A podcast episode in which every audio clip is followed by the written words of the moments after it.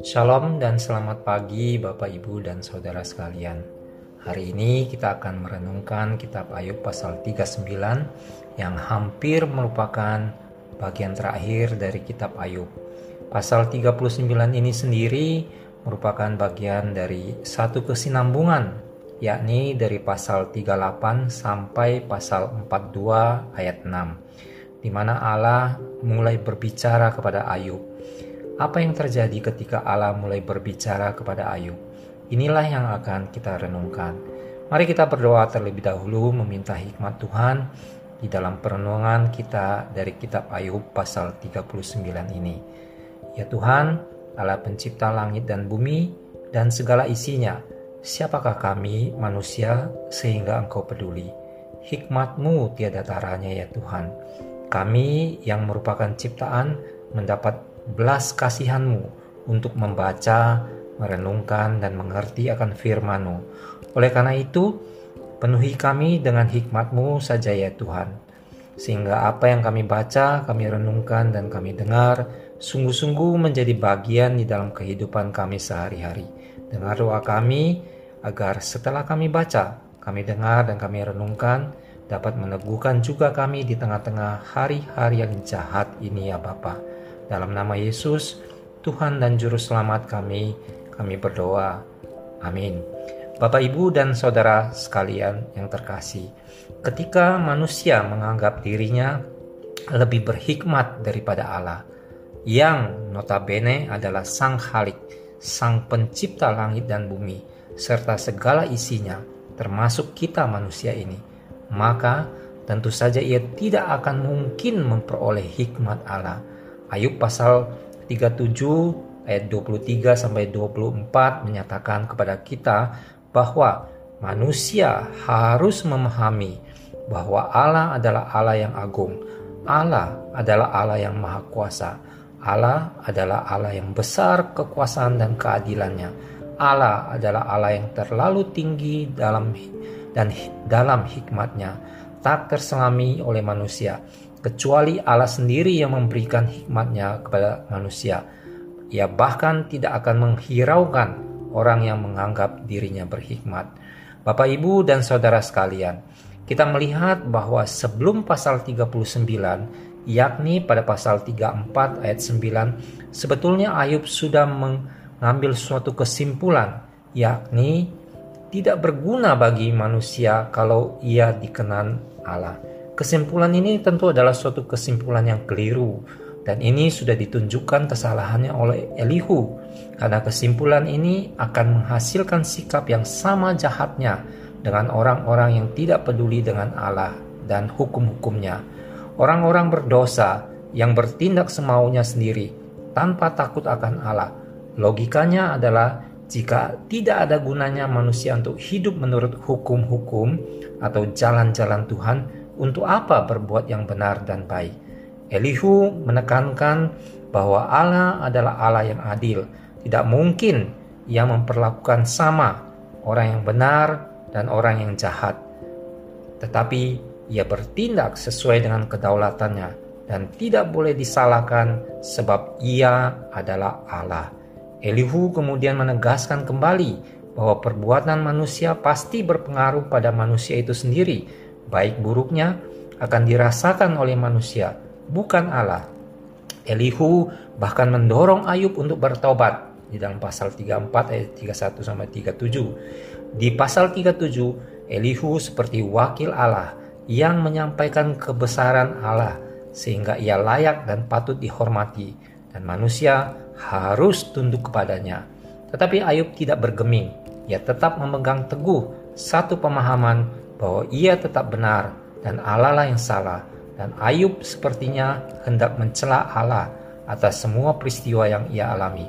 Bapak, Ibu, dan saudara sekalian, hal inilah yang menjadi latar belakang pasal 38 sampai pasal 42 ayat 6 di mana Allah mulai menjawab kepada Ayub atas apa yang menjadi kesimpulan Ayub yang salah itu dan justru Ayub memang berharap agar Allah menjawabnya tetapi ketika Allah mulai menjawab Ayub, Maka Ayub mundur dengan gentar.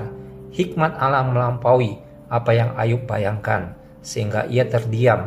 Bukannya mendapat kesempatan untuk menyampaikan perkaranya kepada Allah, Ayub ditanya lebih dulu dengan seberapa luas pengetahuannya atau hikmatnya akan alam semesta. Ini terlihat pada pasal 38. Kemudian dilanjutkan pada pasal 39 tentang seberapa luas pengetahuannya atau hikmatnya akan binatang. Dalam pasal 39 inilah Ayub disadarkan akan betapa kecilnya ia dan hikmatnya.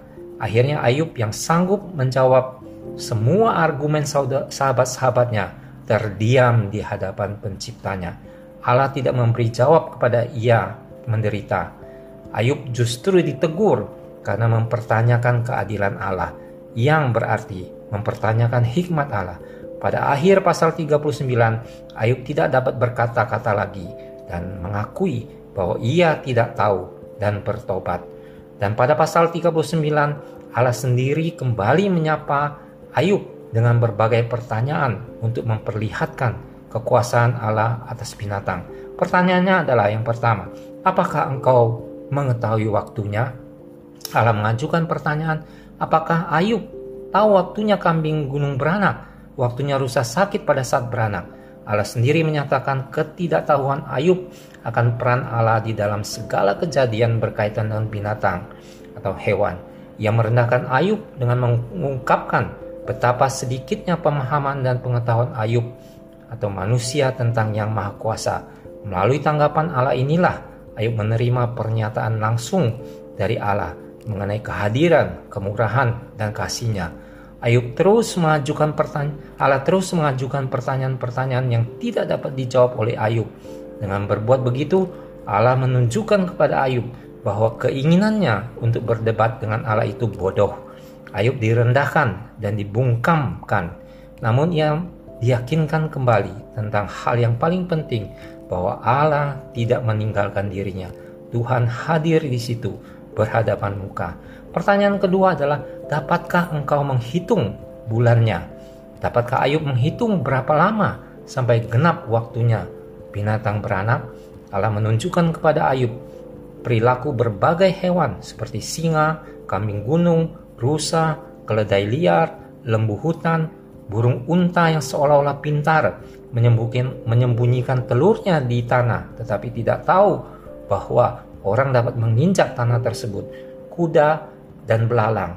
Melalui semua perilaku binatang, Allah membimbing dan menuntun Ayub sehingga menyadari keterbatasan manusia dalam memahami cara-cara Allah di dalam dunia. Bahkan dapat meyakinkan Ayub bahwa dirinya Allah itu penuh kemurahan dan adil. Bahkan ketika Ayub tidak mengerti cara kerja Allah dalam hidupnya. Bapak, Ibu, dan saudara sekalian, setelah kita merenungkan apa yang telah Allah lakukan terhadap Ayub dan respon Ayub terhadap kebodohannya dan ketidakmampuannya yang bahkan hendak mencela Allah. Akhirnya Ayub menjawab kepada Tuhan dalam pasal dalam ayat 37 sampai 38. Sesungguhnya aku ini terlalu hina. Jawab, apakah yang dapat kuberikan kepadamu? Mulutku kututup dengan tangan. Satu kali aku berbicara, tetapi tidak akan kuulangi bahkan dua kali, tetapi tidak akan kulanjutkan. Hal ini menunjukkan kepada kita bagaimana sikap kerendahan Ayub di hadapan Tuhan. Hal yang menunjukkan bagaimana kesalehan Ayub, bagaimana kejujuran Ayub, dan bagaimana ia takut akan Allah, dan bagaimana Ayub juga menjauhi kejahatan sebagaimana predikat yang Ayub sandang pada pasal 1 ayat 1. Pertanyaan refleksinya adalah, bagaimanakah sikap kita ketika kita diperhadapkan dengan berbagai kesulitan, berbagai kesedihan yang kita alami? Apakah kita memiliki kerendahan hati yang sama dengan Ayub? Apakah kita memiliki kesalehan yang sama seperti yang ditunjukkan Ayub? Apakah kita memiliki kejujuran yang sama dengan yang ditunjukkan Ayub? Apakah kita memiliki ketakutan kepada Allah yang sama dengan ketakutan Ayub kepada Allah. Apakah kita juga menjauhi kejahatan sebagaimana yang ditunjukkan Ayub? apakah kita sama seperti Ayub dalam pasal 39 ini yang sungguh menunjukkan kepada kita suatu transformasi. Ayub yang tadinya tetap bersiteguh, merasa benar dan bahkan hendak mencela Allah, tetapi akhirnya menjadi Ayub yang dengan segala kerendahan hati mengakui akan kehinaannya, akan kebodohannya, akan ketidakmengertiannya, biar Tuhan sendiri yang memberikan hikmat agar kita mengerti atas berbagai-bagai kesulitan dan kesedihan yang kita alami. Amin.